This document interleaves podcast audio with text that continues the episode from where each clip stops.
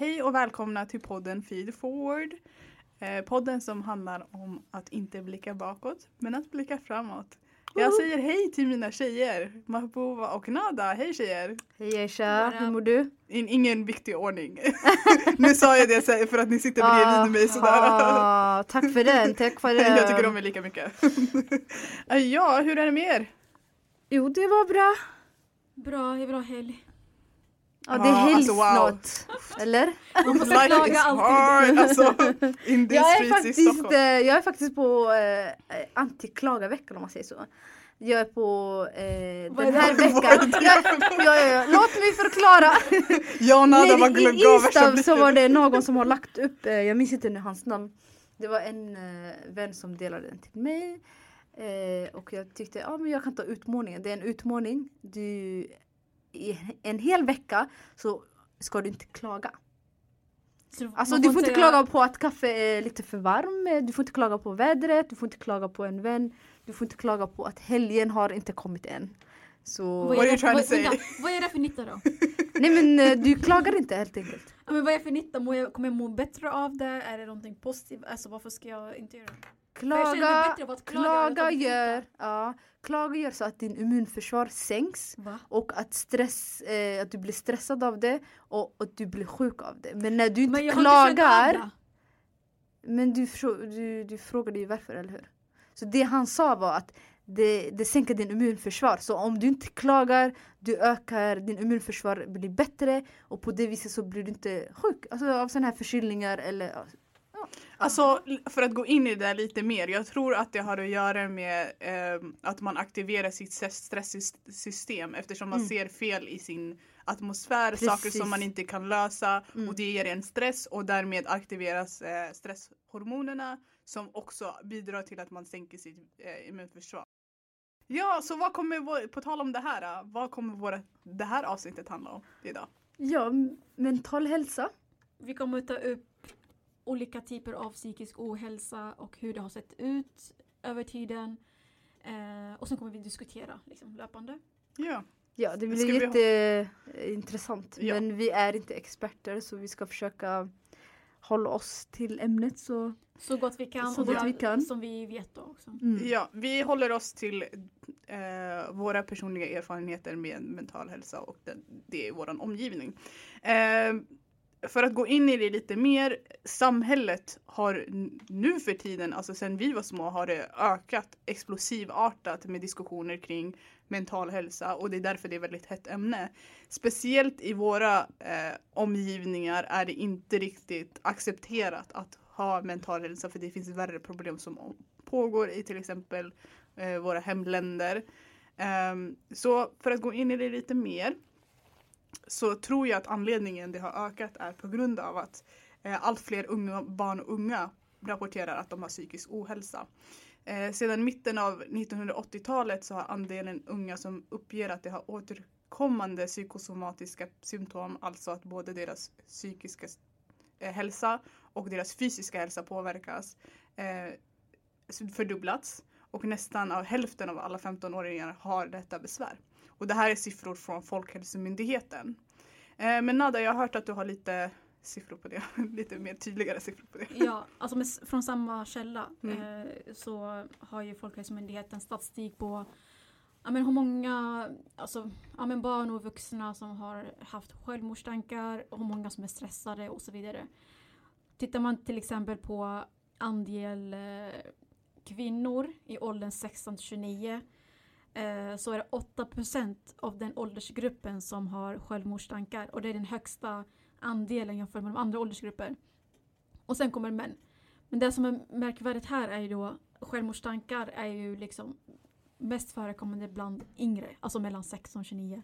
Mm. Inte bland eh, äldre personer då. Varför tror du att det är så?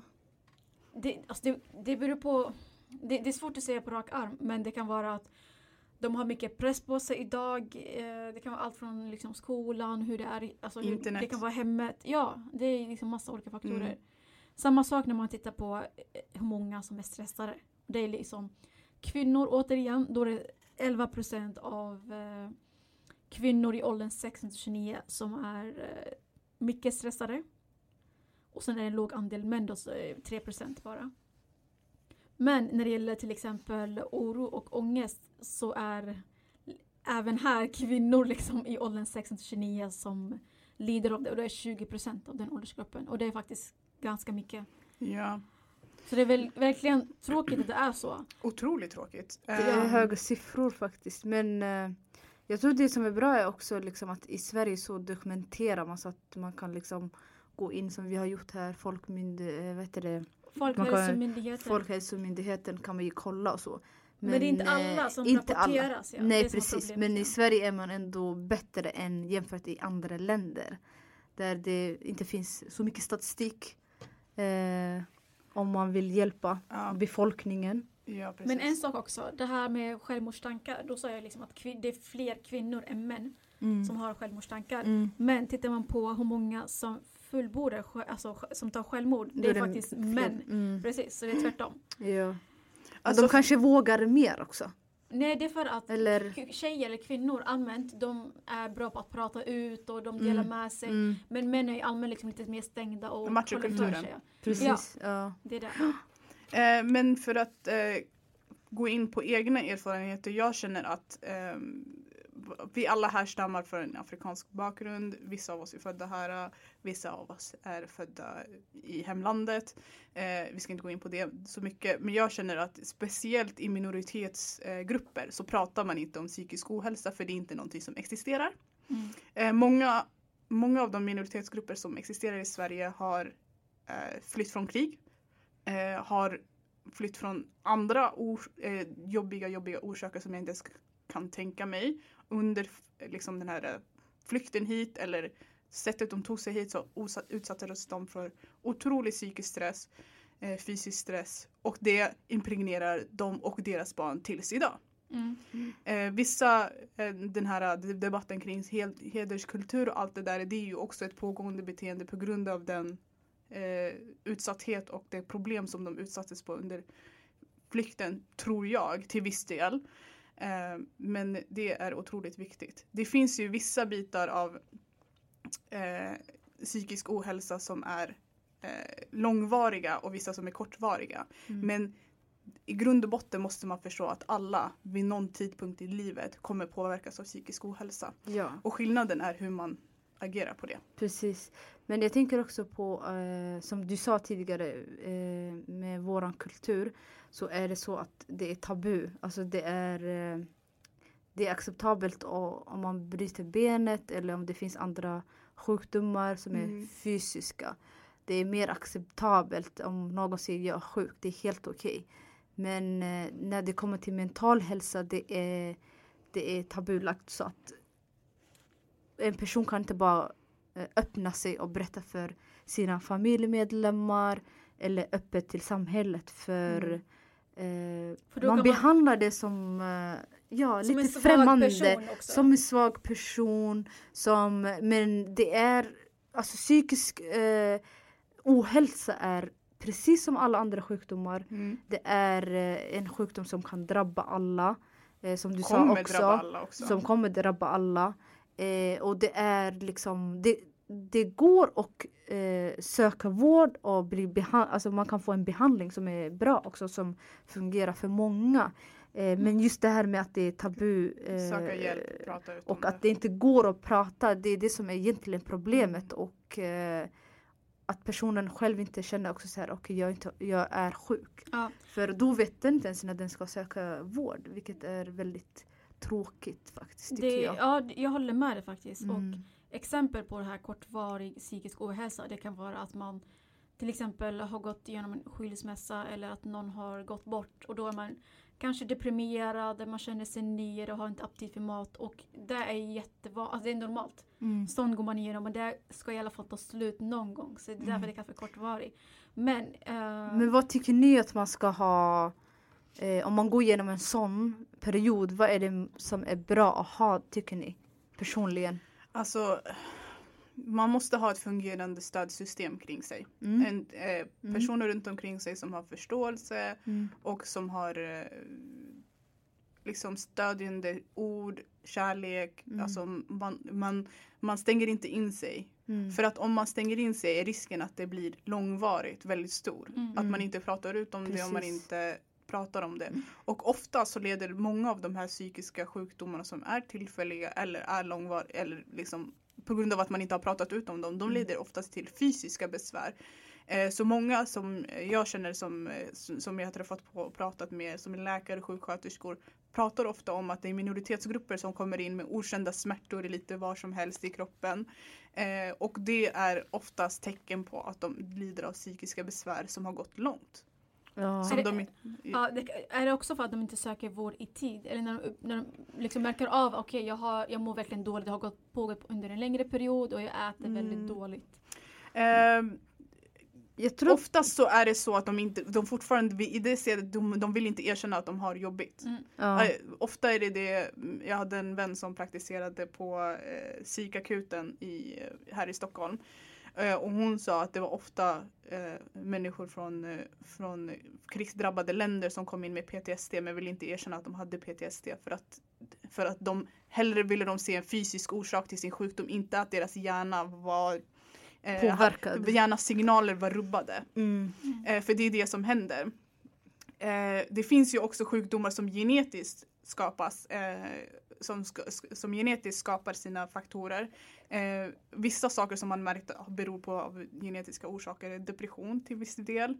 Eh, vissa människor kan ha eh, genetiska faktorer som kan också leda till utmattning eller fobier eller ångest. Och det, här, det här är, eh, är liksom väldigt ny vetenskap. Det är inte som att man har vetat att allt det här har, beror på den här genen eller den här typen av gener för att det är oftast väldigt många faktorer som styr Mm. att man får fysisk, psykisk ohälsa. Eh, och också, alltså man måste tänka på att det bästa sättet är att söka vård. Man måste säga sanningen till sina läkare. De är inte där för att eh, skada en. De, oftast är de väldigt, väldigt stressade om man ska vara helt ärlig i svensk sjukvård. Eh, men det finns också andra sätt man kan söka för, genom företagshälsovård och också eh, via eh, privata psykologer eller beteendevetare. Och det finns också stödgrupper för olika saker. Men det viktigaste är i alla fall att söka vård. Liksom. Erkänna att man så, har ett fel. Ja, så snabbt som möjligt att man söker vård. För eh, som Aisha sa, det är jättemånga saker som kan bidra till eh, psykisk ohälsa. Liksom. Om man har varit med en trauma eller om det eh, om man har blivit misshandlad liksom, Mm, mobbad i finns det hemma. Ja, och om man har ba- som barn har blivit så här, hur säger man nu på svenska ordet, neglected. Eh, några. Eh, Förnekad eller? eh, ni vet vad vi menar. Ja exakt. eller ja, mobbning eller om det är eh, liksom om man har växt upp i ett hus där det inte var stabilt. Mm. Om, eh, ja, om kanske mamman eller pappan har varit alkoholister. Alltså det, Det det, många, finns många jättemånga faktorer. faktorer. som Aisha nämnde också. Det kan vara eh, hjärnans eh, kemiska. Eh, det kan vara om det är jättemycket på jobbet och man eh, går i väggen också. Mm. Det kan vara stress, det kan vara eh, det kan vara jättemycket som man kan faktiskt ta upp. Eh, Ja, eh, men det- vi är som sagt inte experter så vi ska inte gå in jättedjupt. Eh, Ja, precis. Eh, men jag är nyfiken tjejer. Hur har ni det hemma? Pratar ni mycket med varandra när ni känner er, inte deprimerade, men liksom när ni känner er nere? Så Går ni till din mamma, till er mamma och säger ja men mamma jag känner mig deprimerad, jag är stressad. Är, är det så Ehm, vanligt hos er att ni gör det? ju, ja, vill du börja eller? ska jag börja? Jag är så här eh, eh, faktiskt, jag är en sån person eh, Alltså till exempel om vi säger så här studietiden, det var kanske lite psyk... Alltså det var lite stressig period och då är jag en sån person som faktiskt vill hantera det själv. Jag pratar inte så mycket om liksom det och sen efter det, alltså efter jag har gått över då kan jag öppna mig och prata men jag är inte så här jätteöppen i och med att det är Alltså i min kultur, det är som det är. Är det, Det är tabu, det är stängt och man får inte prata om sånt. Men eh, även, alltså ja, jag är inte personligen så här öppen heller, bara Ja. pratar. En fråga då. Eh, ja. Är det för att du inte vill ha sympati eller är det för att du inte vill visa att du är svag? Eller varför är det så? Om jag får fråga. Eh, när jag tillbaka, tillbaka, när jag tänker tillbaka till studietiden så så tror jag bara att, eh, alltså egentligen, det är lite kultur som påverkar. Men det är också personlighet. Jag är inte en sån som bara pratar så här öppet. Det Inte är, som i din familj, liksom, med din mamma eller systrar. Och... Jo, det, alltså jag har ju vissa familjemedlemmar som jag delar med mig sådär. Men eh, det, som sagt, det är inte så här jätteöppet. Men man kanske kan Mm. faktiskt alltså, träna och börja prata och säga ja, jag är stressad, jag är lite deppig. Men eh, det har jag börjat med. börjar, ja. Och jag och Mahbouba har under senaste tiden, eller sen i somras, Mm. började vi prata väldigt mycket om mentala hälsa. ja. Nu kommer du ihåg, vi pratade mycket om så här, personlig utveckling och lite sånt där. Mm. Och det är någonting som jag har övat upp. Det är inte någonting som jag går upp med min mamma och pratar om. För Mm. att det, min mamma är väldigt stark envis kvinna liksom, som har genomstått mycket. Mycket av det som jag fick se som har påverkat mig väldigt djupt är att jag har ett jättestort ansvarstagande. Mm. Jag tar ansvar för saker som jag inte borde ta ansvar för. Mm. Eh, och många av, många av de här sakerna kan jag inte bryta på grund av att det här är saker som händer när, un, under min tidiga barndom. På Mm. grund av liksom lite olika situationer som jag inte vill gå in på. Mm. Eh, men det är någonting som jag har faktiskt er, erkänt att det orsakar ett problem när jag är i arbetslivet också. Mm. Och eh, det har orsakat att mitt stresssystem har varit på i princip sedan eh, två, tre år tillbaka. Att jag har haft hög stress, höga stressnivåer och sovit otroligt dåligt, ätit otroligt dåligt och rört på mig otroligt dåligt på grund av att jag har varit helt slut. Mm. Och det här eh, stresssystemet påverkas av att våra tankebanor går i att vi har, är hotade. Ja. Vi är hotade, vi är under hot, vi måste liksom prestera, prestera, prestera. Och eh, vid en viss tidpunkt, adrenalin eh, som kickas på av hotsystemet och stresssystemet är ett skadligt hormon. Det är inte bra att ha i höga nivåer hela tiden. Mm. Och anledningen, eh, och det ledde ju till att jag kände så här ångest. Alltså jag bara kände så här, jag tyckte att det var jobbigt att gå och göra saker. Jag vill inte, till exempel jag gillar ju att gå på föreläsningar och läsa böcker och allt sånt där. Jag kände, jag kände att det var jobbigt att gå till biblioteket. Jag kände att det var jobbigt att gå på föreläsningar. Mm. Eh, jag kände mig att det var jobbigt att gå och lägga mig på natten. Alltså det var liksom så här väldigt många sådana där situationer. Det här är sånt också. som jag har Mm. kommit i genom att jag har grävt det. Eh, det har varit många olika faktorer som har påverkat det här. Det har varit dåliga arbetskamrater, dålig arbetsmiljö, det har varit dålig, vad heter det, eh, liksom, eh, mycket av så här, studietiden är ju väldigt så här, allting är scenbelagt och jag är lite, lite av sån människa som jag ville ha Även fast jag inte organiserar som själv människa vill jag ändå ha lite, lite struktur och det är Ja. väldigt svårt i universitetslivet. Eh, och eh, nu när jag har grävt i det så har det ju kommit att så här, mitt stresssystem har varit på typ he- 24-7 i flera, flera år nu. Mm. Och det har i princip lett till att jag inte kan slappna av. Mm. Alltså jag känner att jag behöver ta ansvar för saker, jag behöver göra saker, jag behöver få saker gjort. Och ni har säkert också märkt det tjejer, att jag gör lite för mycket ibland eller att jag lägger mig i områden som jag inte borde lägga mig i. Ja men det roliga är, det här märker du senare efter x antal år. Du ja. märker inte då för du är redan inne i skiten. Ja, Ja. Ja men jag förstår, jag tycker faktiskt det är väldigt tråkigt att det är så. Ja, Det är samma sak typ, hos oss också. Mm. Det man pratar om är ju typ, mår du bra? Är Mm. du sjuk eller är du inte sjuk? Men Mm. allt annat så pratar man inte om. Nej, Ja. precis. Det är som att psykisk ohälsa existerar inte med andra ord. men Mm. alltså Men- jag tycker inte att det är psykisk Alltså så här, ohälsa på Jag tycker inte man ska prata om det som att det är psykisk ohälsa. Det är ohälsa i allmänhet. Och så, ja, precis. För ja. att grejen, det är inte okej att gå runt med höga nivåer av adrenalin i flera, flera år på grund av Mm. att man känner sig hotad av att man inte har sina deadlines i tid eller man vet inte vad man ska göra i skolan. Eller man har, jag fick eh, tillgång till min, min databas för mitt examensarbete. Jag hade praktik i 16 veckor, jag fick till, all tillgång till det de sista två veckorna. Jag hade inte börjat skriva någonting överhuvudtaget. Jäklar. Förstår ni hur Ja. stressad jag var? Mm. Jag bodde i en annan stad i ett år helt själv, kände ingen och det var liksom massa var uppe i Norrland and I was scared about Norrland, I've Ja. never been there. Ja men det där tycker jag faktiskt är normalt. Det stressar man i, alltså, går igenom under studieperioden. Det är väldigt vanligt för alla att gå igenom det. det är, Men okej, problemet är men- att det pågår i Mm. flera år. Ja, Men men då- jag då- är tycker också, man kan inte se alla gå igenom det för alltså när jag pratar innan om min studietid, det är så här att alltså den klassen jag hamnade var riktigt så här, alltså emot en hela tiden. Eh, vi hade ett system som kallas eh, problembaserande lärande och det är en grupp som diskuterar. Eh, lärarna var inte hjälpsamma.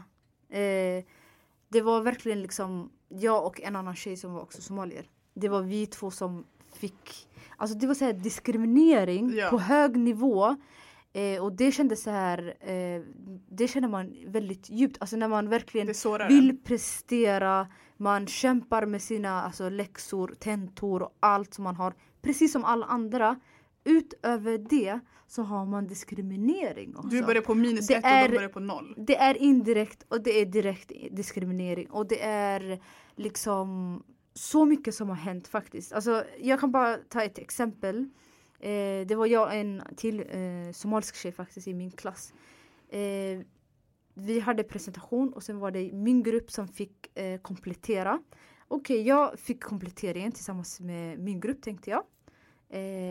Men nej, det visade sig att det, min grupp, det var bara jag som fick kompletteringen av hela gruppen. Men sen fick hon som, eh, eh, min kompis då, eh, som var från Somalia, hon fick också kompletteringen. Men hon var från en helt annan grupp som inte ens behövde komplettera. Endast vi två fick. Och sen, ja, jag bara tänkte okej jag, jag kompletterar, jag skriver. Och sen frågar jag läraren, jag hittar inte material som passar till det här, jag förstår inte den här frågan. Kan jag få hjälp? Nej, hon skrev en hel text och bara Vi lärare ska inte hjälpa dig med dina eh, ja, jag vet inte vad hon skrev men hon skrev en sån mail och hon bara Om du inte skickar det här, det här är sista gången så kommer du inte ta examen. Vänta, gick du vidare med det här eller vad gjorde du? Jag, nej, jag skulle faktiskt, jag hade inte tid att göra något åt saken. Jag jobbade eh, samtidigt som jag pluggade. Jag bodde i en annan stad så jag reste till eh, den här, eh, jag reste till Linköping. Eh, jag hade läxhjälpning med en förening eh, två gånger i veckan. Jag hade noll tid att lägga ner eh, På hennes elaka... på ens. Ja, men det var vi två som blev drabbade. Av vilken anledning? Det vet jag fortfarande inte. Men att en programledare hotar en och säger du kommer inte ta examen om du inte hittar den här artikeln. Alltså hon vägledde inte ens någon. Nej men förlåt Boba, Eh, Så- Mahbuba, jag förstår vad, du, vad allt du Ja. säger men du ska inte gå alltså, framåt med det och berätta till exempel till rektorn eller vad vet jag, annan ansvarig. ja, men, där ska hon, var Jag ska säga program... sanningen, jag har råkat ut för exakt samma situation. Hon var programledaren Det spelar ingen Eh, roll vad hon har för position. Och sen när man går igenom en sån situation så orkar man inte nada. Det är Mm. trött. Symptomen är att man är jättetrött, man orkar inte och om Man gör du det verkligen... minimala. Man gör det minimala och det var det jag gjorde. Survival. Det var det jag gjorde, liksom att överleva. Mitt mål var att ta examen. Det gjorde jag också. Jag bevisade för henne att jag kunde hitta. Jag hittade det jag skulle göra. Jag lämnade in, jag fick godkänt och jag tog examen. Det var jag riktigt stolt över. ja. Men just den stunden, då var det så att det var väldigt tröttsamt för att liksom, man verkligen kämpar som alla andra. Men Ja. det är diskriminering. Och idag, om jag var, du skulle ha gått vidare. Men just då, alltså man, man har ingen kropp. Man har ingen ork i kroppen, eller hur Mm. Aisha? Jag, Du har jag, också varit med om det. ehm, jag har varit med om sådana situationer både i studietiden och på jobb, i jobbet. Eh, och jag kan säga så här att det blir verkligen så att man blir helt avstängd, man blir helt avtrubbad Mm. och det blir liksom minimalt Mm. arbete tillbaka. Jag gjorde det mest minimala. Jag gick till jobbet och jag gick hem. Man Och det är blir samma sak, jag gick till skolan och jag gick hem. Det blir liksom så här, man, man tar åt sig väldigt mycket. Mm. Och det som är det, det jobbiga är också är att vi kan inte gå hem och prata om det här. Mm. Det, för grejen, Eller vi kom- kan ju alltid göra kan det all- men det är inte så här... Det är inte det vanligt. är blir inte så här, hur så det påverkar det, känns- dig? Utan det blir Ja. den där personen är en rasist, kommer din mamma säga. Liksom. Den där personen är en rasist, kommer din bror säga. Inte That's såhär, hur mår du liksom. Aisha? Det, det blir hur lite så här, känns det? hur känns så det? har vi det kommer bli liksom. så här, vad gjorde, det kommer bli så här, vad bråkade gjorde med henne, tjafsar du tillbaka? Liksom Det är det så. Nada säger också nu bara Har du anmält det här? Man bara nej Nada, jag jag var, inte." jag var trött, jag orkade inte. Jag- Så det är den reaktionen man får, det är helt vanligt. Men alltså om vi kanske, hur kan vi förbättra det här? Om vi kanske är mer öppna när någon kommer, att man verkligen säger "Ha, hur känns det? Eh, att man pratar om det istället för att komma på lösningen. För vi är jätteduktiga på att lösa ett problem. Bara, hur ska vi lösa det här? Survival mode och så försöker man gå vidare. Alltså, förstår jag menar? Jag förstår att det kan vara tufft för vissa i, i, de, i sådana situationer. Mm. Men till exempel jag, jag, Mm. jag blir inte känslomässig i sådana situationer utan jag blir Mm. mer arg. Jag vill Mm. agera. Men det, det har Jag du för, olika sätt. alla har, precis, alla har Jag var arg och jag agerade genom att ta examen. Det Hon, var val, mitt hon mål. valde sitt, sitt Det var mitt mål, det där var my fight. Ja exakt, jag valde du, min va, du fight. valde ditt, ditt det område där var mitt mål, jag bara jag ska bevisa att jag, tar, jag, ska, jag ska ta Jag gjorde examen. samma sak. För det var det hon inte ville. Så jag, istället för att agera och börja med annat som kanske kommer slösa min tid. Så tänkte jag, nej jag kommer ändå ta, ta examen så jag ska Nej, ta men examen. Jag hade en, en, en, en gruppledare som var, hon var doktorand i fysiologi. Och hon eh, anklagade mig för att jag inte visste vad en spirometri var för någonting.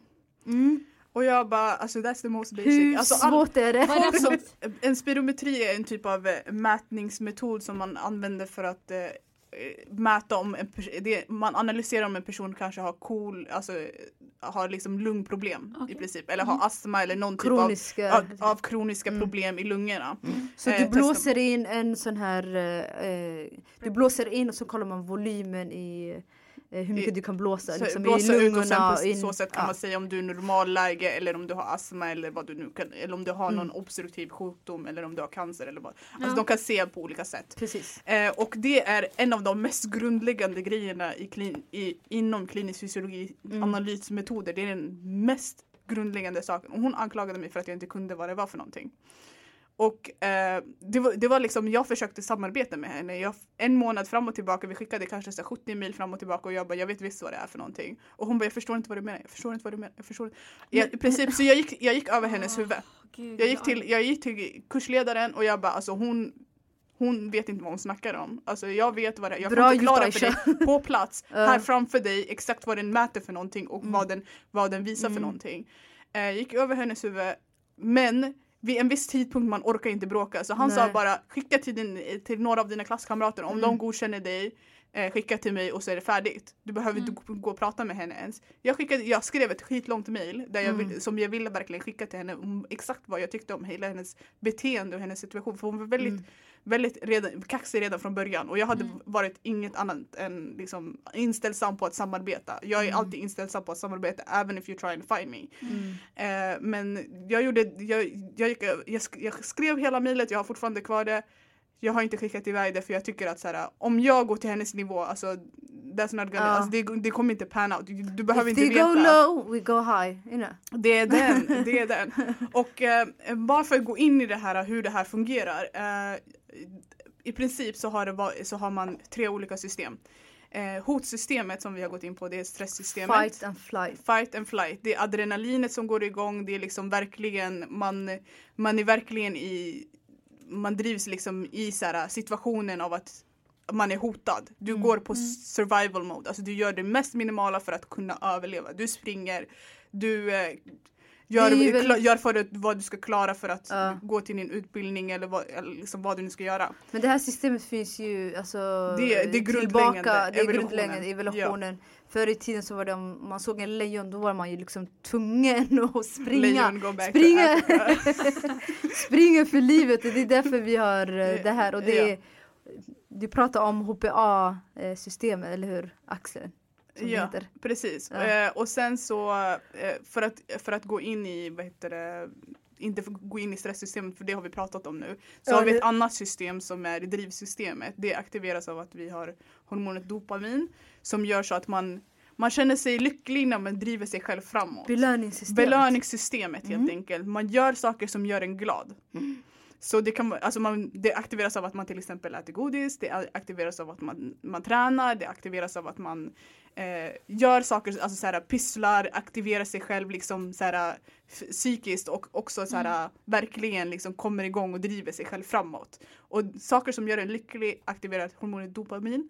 I princip har det varit så att jag har varit fast mellan de två. Jag har inte gjort någonting annat än att vara driven eller att vara hotad. Och det, alltså ingen av de här, båda de här hormonerna är skadliga för kroppen. För det rubbar den nor- normala, eh, hur ska man gå och vila Mm. om man känner sig driven hela tiden? Ja, det, Hur ska man gå och vila om man känner sig stressad hela tiden? ja. Hur ska du gå och lägga dig? Det måste det finnas det. en balans liksom för att du ska Ja. varva ner. Det är bra med det här att eh, din stressnivå ökar när du ska göra När du behöver den. när du behöver den. Om du ska utföra eh, någonting, Mm. en task, då behöver du det. Men du måste varva ner också. Så om du Det det. inte får eh, om du inte varvar ner och får den här att, liksom, kroppen känner sig lugn så kommer du inte kunna sova bra heller. Ja. Så hela, det är en balans Ja, eh, men, i eh, en, kroppen. precis. Mm. Eh, men en del Mm. har jättesvårt att varva ner. Det är alltså det- det är där jag och sen, ligger. Ja, men då har jag hört liksom, ja, men drick, vad heter det, vad var det? Banante, att man kokar banan i vattendrycken. Va? Jag har aldrig hört det. Nej, Okej, jag har hört mjölk! Vänta, det Jag har var, hört värme mjölk det var- men inte banan. Banante har jag hört, det var faktiskt en läkare. Vadå? Banan, La- Kokar man banan i skal eller kok- tar man bara... Nej, nej, du tar skalet såklart. Ja men lyssna så. Okej, Du tar skalet och sen kokar du teet kanske i två, tre, max tre minuter liksom. Och sen dricker Med det banan? Innan. It makes sense though. Ja, och sen för banan innehåller eh, Potassium. po- ja, potassium och andra Som gör att man blir lugn och man kan lugn sova. och kan sova. Men mjölk innehåller ju också.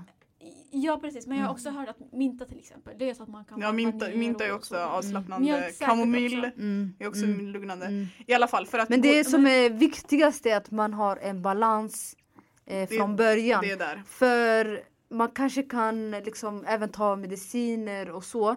Men man ska ändå kunna, du måste känna igen din kropp när du får en pulsökning och du är stressad. Eh, symptomen är att du får en pulsökning, att du känner att ditt hjärta slår och så.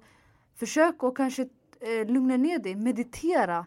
Eh, sätt dig någonstans så att du kan liksom lugna ner dig och få tillbaka den här balansen som är jätteviktig för kroppen. Ja, eh, nu var Mahbouba lite före mig här. Jag tänkte gå in på det tredje systemet. Jag pratade om att det fanns tre system. Och tredje systemet är eh, trygghetssystemet. Man måste Mm. känna sig trygg hemma i någonting. Eh, och det gör man genom aktiv vila. Mm. Man eh, gör saker som aktivt lugnar, lugnar ner hjärnan. Man lyssnar på musik, man eh, lyssnar på, på eh, går ut i skogen och promenerar, eh, bakar, lagar mat, Diska. Det diskar, dig- mediterar, Mm. skriver dagbok. Eh, sånt som liksom rensar ut det här eh, så att du känner dig bara huh, Och är så länge man kommer bort från den här stressiga Ja. situationen, att man gör någonting annat, Ja. det hjälper faktiskt Man kan ju skogsbada träna- som vi har pratat om Ja, också tidigare. hej, hej. Gå till skogen, ta promenad. För mig faktiskt är eh, någonting som jag blir glad av är att eh, diska. Eller städa också. Eh, när jag har städat hemma, diskat så känner jag en så här glädje, extra glädje. Och då kan jag slappna av också. Ja, jag brukar känna det när jag Eh, tvättar håret. Ja. Det, det tar ändå så jävla lång tid. ja. Because we're black you know, let's be honest, det tar Så minst min- tre Jag håller timmar. med dig. Du torkar och alla de här stegen och processen med tvätteri.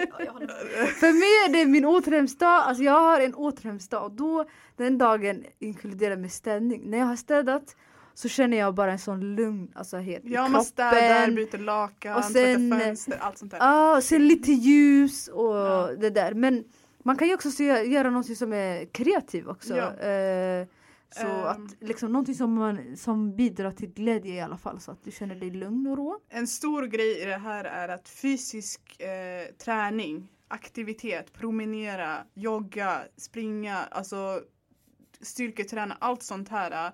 Det är också aktiv vila. Mm. Ja, en sak. För man, an, ja, fortsätt. Men fortsätt om du ville avsluta. Ja, ehm, det jag skulle säga bara att det är otroligt viktigt. Eh, ta chanserna för aktiv vila. Jag har till exempel för att jag ska få aktiv vila under min dag. Jag tar promenader på lunchrasten. Jag har 40 minuters lunch. 20 minuter sitter jag och äter, 20 minuter är jag ute och promenerar i luften. Beroende också på att jag har bytt jobb och arbetar med väldigt starka kemikalier också. Mm. Så jag känner mig lite tvungen för att jag får ont i huvudet om jag är inomhus hela dagen.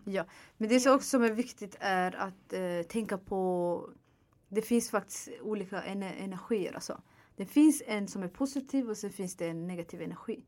För om du hela tiden befinner dig med en negativ energi det kan också bidra att man kan drabbas av psykisk ohälsa.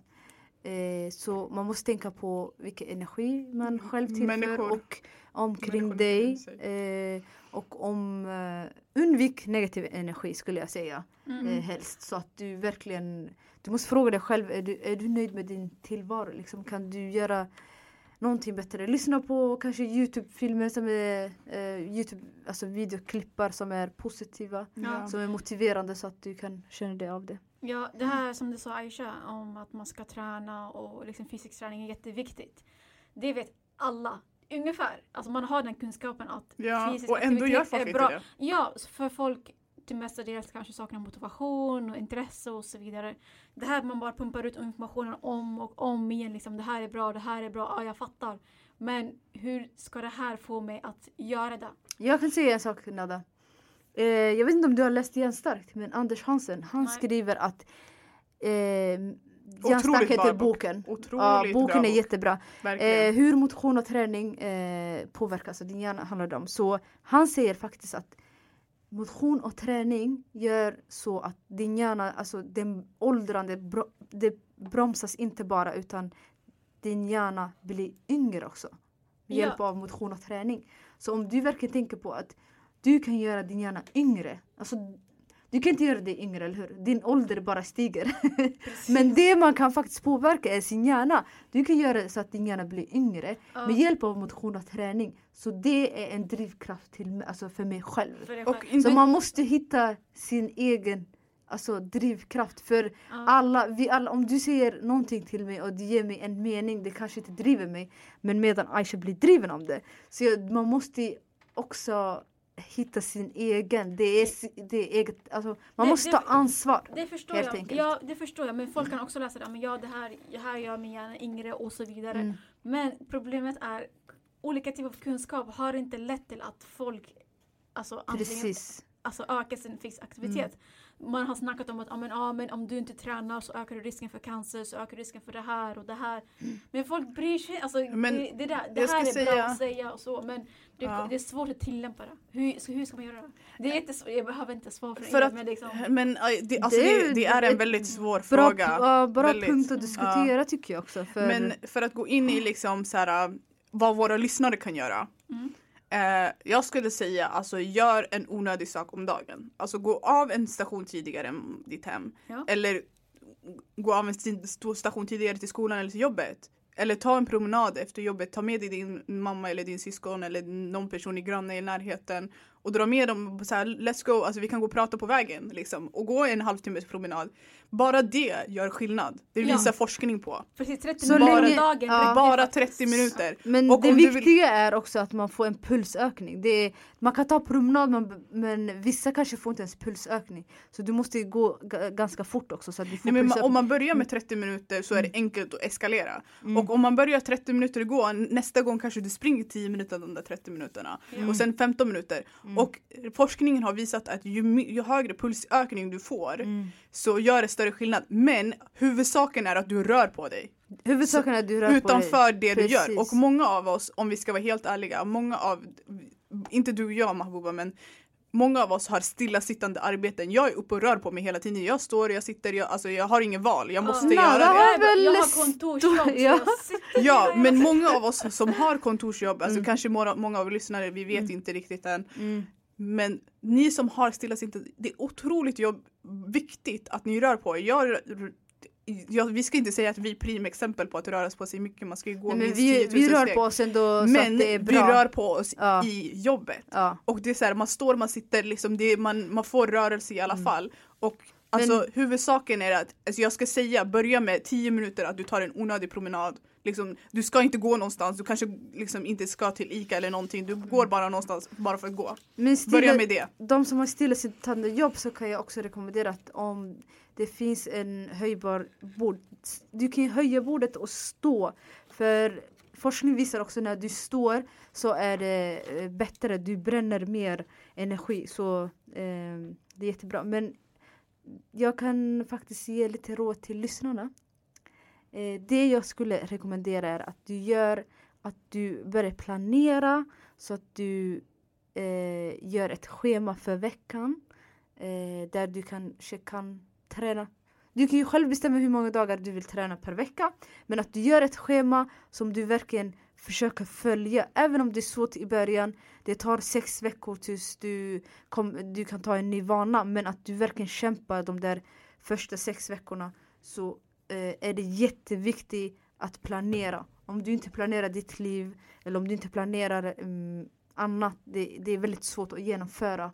Men som Aisha sa, ta, börja ta promenad, eh, börja planera skulle jag säga. Kanske Nada har eh, ett till råd. Vad har du för råd till lyssnarna? Alltså, jag, jag kopplar av när jag kollar på serier och filmer. Alltså, det ökar inte finns aktiviteter men jag kopplar av. För då kopplar mina tankar, jag blir så här tillfredsställd och liksom jag kopplar av. Men jag tränar också. Liksom. Jag försöker hålla det regelbundet men det, det är inte alltid det håller. ja, men din fråga Men- var men- hur ska man komma igång med det? Vad skulle du ge för råd? Nej, alltså, jag tycker det är jättesvårt. Det är inte att jag har Ja. svaret. Men Ja, jag vill nej, bara- Vad funkar för dig? perspektiv. Vad funkar för dig? För mig funkar det att jag ser någonting förändring i mig för att det ska kunna förändras. Men tänk om man att jag- redan är smal och börjar träna så kommer man inte typ gå ner i vikt Nej, om nej, man men- säger nej, så. nej, nej. Men man mår bättre. Man mår bättre för man kanske tränar för att man ska må bättre och det Ja. syns inte fysiskt. Ja, jag håller med. Men det här är vad jag, Ja, alltså ja, hur jag ja. triggar igång. Ja. Det, det kan vara till exempel att jag är för trött, jag märker att jag är för seg. Då tänker jag, men gud, det här måste förändras. Så jag, Mm, jag gör någonting annat. Okej. Men någonting förändrings, Mm. någonting dålig förändring, det triggar mig igång. Ah. Eh, Jag ska säga som, alltså, eh, Men du behöver såklart inte gå så långt. Nej, nej, nej. Men för att sammanfatta lite av det Nada säger. Jag tycker att man ska skriva ner vart, vart vill du vara om fem år? Hur vill du se ut? Hur Mm. vill du må? Eh, vad vill du ha för livssituation? Och arbeta ut efter den modellen. Det där är du om fem år. Det, det ska vara du idag också. Du ska se Mm, de beteendena som du vill ha om fem år idag. Mm. Eh, det är någonting man kan tänka på som faktiska siffror är att 95% av hjärnans tankar är omedvetna. Ja. Och Mm. det innebär att de här, det här är typ ett, eh, vad ska vi säga, dataprogram. Det är precis som man startar Apple Music eller någonting. Att det är ett dataprogram som har fungerat samma sak och impregnerats hos dig från när du var 0, 0 år gammal till 7 år gammal. Det är impregnerats hos dig. Så det här med mitt ansvarstagande har impregnerats hos mig under den åldern också. Och det här är någonting som man måste aktivt bryta. Eh, och det gör man genom att man re- repetera, repetera, repetera, repetera. Och det är samma sak med hur man försöker lära sig matte. Det är bara att försöka igen, försöka igen, försöka igen, försöka igen. Och också, eller att man gör djup meditering. Eh, eller att man tränar kognitivt med att byta de här tankarna. Så varför som- tänker jag sådär? Varför, varför tänker jag att jag inte vill gå För jag har Ja. stora problem med att Mm. jag inte vill hålla mig till att eh, göra det. Eh, gå och träna på morgonen eller, eller sådär, vad det nu kan vara eller gå och lägga mig eller vad det nu kan vara på grund av att jag ser att jag måste ta ansvar hemma eller någon, alltså Ja, jag någonting. Jag, vet förstår. inte vad det är för någonting. Men det som är viktigt Aisha är ju också att man faktiskt kopplar de här som du säger 95% till 5% Mm. som är medvetet. Mm. Om man inte kopplar de här 95 och 5% då är det ju så också att man inte har någon koppling. Alltså, du går runt det- och gör samma saker du hela gör tiden. samma, ja, men om du har den här kopplingen då är din hjärna kopplad så att det finns verkligen kommunikation och att det finns eh, eh, så att du kan ändra vanor lättare. Du är medveten vad du gör och du är också du vet vad din undermedvetna hjärna tänker. Ja. Nu säger vi inte att det är två hjärnor, det är en hjärna men man brukar dela upp det 95 och 5 procent. Ja. Och det är jätteviktigt som sagt det här connection, det är, måste man veta. Men en sak jag tänker på är just när man ska träna. Man måste fråga sig själv som du säger, varför tränar jag? Det är det jag syfte? frågar, vad har det för Mm. syfte? För mig det handlar inte om att gå ner i vikt eller så utan eh, eh, jag har eh, i familjen så har jag haft en, eh, en nära som dog av diabetes Mm. eh, och Jag På- tror vi alla i afrikanska familjer kan relate. Ja, och på det, högt det där blodtryck. också driver mig. också. Det där driver mig genom, alltså till Man exempel folk, vissa folk köper så här godis eh, och liksom, alltså äter sött för mycket men när jag äter så tänker jag, tänk om du får diabetes. Alltså, och sen när jag tränar så tänker jag, "Åh, jag vill inte få diabetes. Alltså jag gör också för att liksom må bättre. Eh, så man måste fråga sig själv, varför gör du det här? För om, om ditt varför är större, då kommer du hitta drivkraften. Men om du inte ens vet varför du ska göra, om det är dina vänner som gör och du bara tränar. Om, det, om du inte har den här Ja. drivkraften, då är det lätt att göra kanske en månad, sen senare man slutar. Ja. Det blir inte en vana, det blir bara något som man gör och sen slutar. Precis, det här tycker jag är jätteintressant och vi kan ju ta upp hur många exempel som helst. Så vi har ju hur många råd som helst. Ja, vi har men många roliga hoppas, om det här. Ja, men vi hoppas i alla fall att det här var, jätte, att det här var ett intressant ämne. Mm.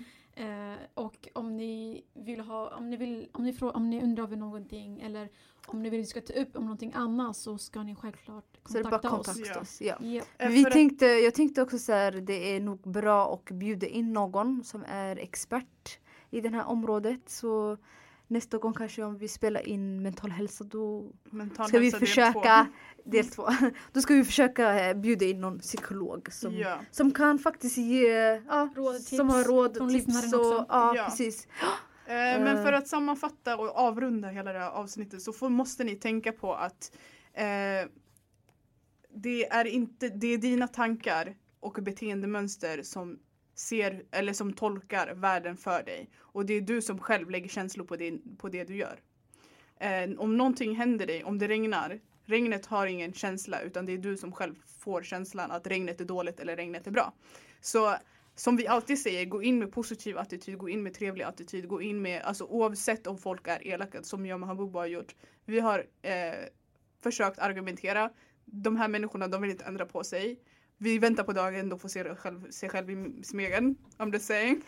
Men det man kan i Eh. alla fall göra är fylla på positivitet och Ja. sprida det och eh, Försöka undvika och sen dem. det är du själv som kan förändra ditt liv också. Ja. Tänk på att det är du som har Det är, du som, kraften om man säger så. det är du som applicerar känslorna på den där situationen om du ska vara helt eh, du kan vara helt avtrubbad till det, till det de gör för det är så de är eller så, det, så världen är. Ja, och du behöver inte heller lägga tid på att läsa mer, öka din kunskap. För ökad kunskap leder inte till beteendeförändring utan hitta din motivation och göra någonting åt saken. Hitta ditt, ditt varför skulle jag säga. Hitta ditt Ska varför. vi avrunda Aisha? Ja, för att avrunda för fjärde gången. eh, vi avslutar med term, eller frasen hitta ditt varför. Hitta Tycker ditt jag, det- tycker jag varför. låter bra. Ja. Ja, Perfekt. hitta ditt varför. Mm. Då tackar vi för oss. Tack så mycket tjejer. Vi hörs nästa vecka. ja, det gör vi. Tack så mycket. Hoppas ni får en trevlig dag. Hejdå.